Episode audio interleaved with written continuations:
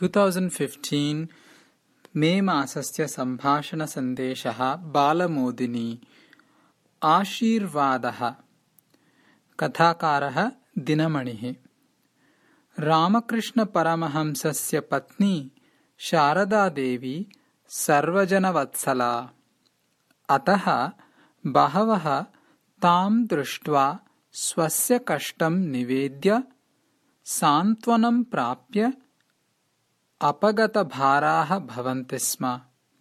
शारदादेवी अपि सर्वेषाम् कष्टकथाः आद्यन्तं श्रुत्वा यथायोग्यं सान्त्वयित्वा उपदेशवचनानि वदति स्म। अथ एकदा काचित् शारदादेवीं द्रष्टुम् आगता। सा अवदत् मातः मम पतिः कश्चन वैद्यः। सः वृत्तिजीवने प्रभूतं धनं सम्पादयतु इति आशीर्वादं करोतु भवती। इति। क्षणं विचिन्त्य शारदादेवी अवदत् कारणद्वयेन अहं तथा आशीर्वादं कर्तुं नार्हामि इति किम् तत्कारणद्वयम्? आश्चर्येण पृष्टवती सा महिला। तदा शारदादेवी उक्तवती प्रथमं कारणं तु प्रभूतं धनं स्यात् चेत् जीवने सुखं प्राप्येत इति नास्ति। किन्तु लोकः तु सुखार्थं धनसम्पादनमेव इच्छति भ्रान्तिः तथा चिन्तयताम्। धनाभावे अपि सुखिनः सन्ति असङ्ख्याः।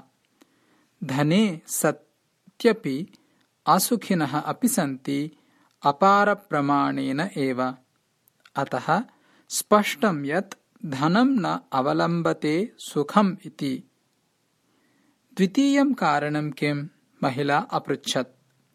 भवत्याः पत्या यदि प्रभूतं धनं प्राप्तव्यं स्यात् तर्हि रोगिणां संख्या अधिका भवेत्।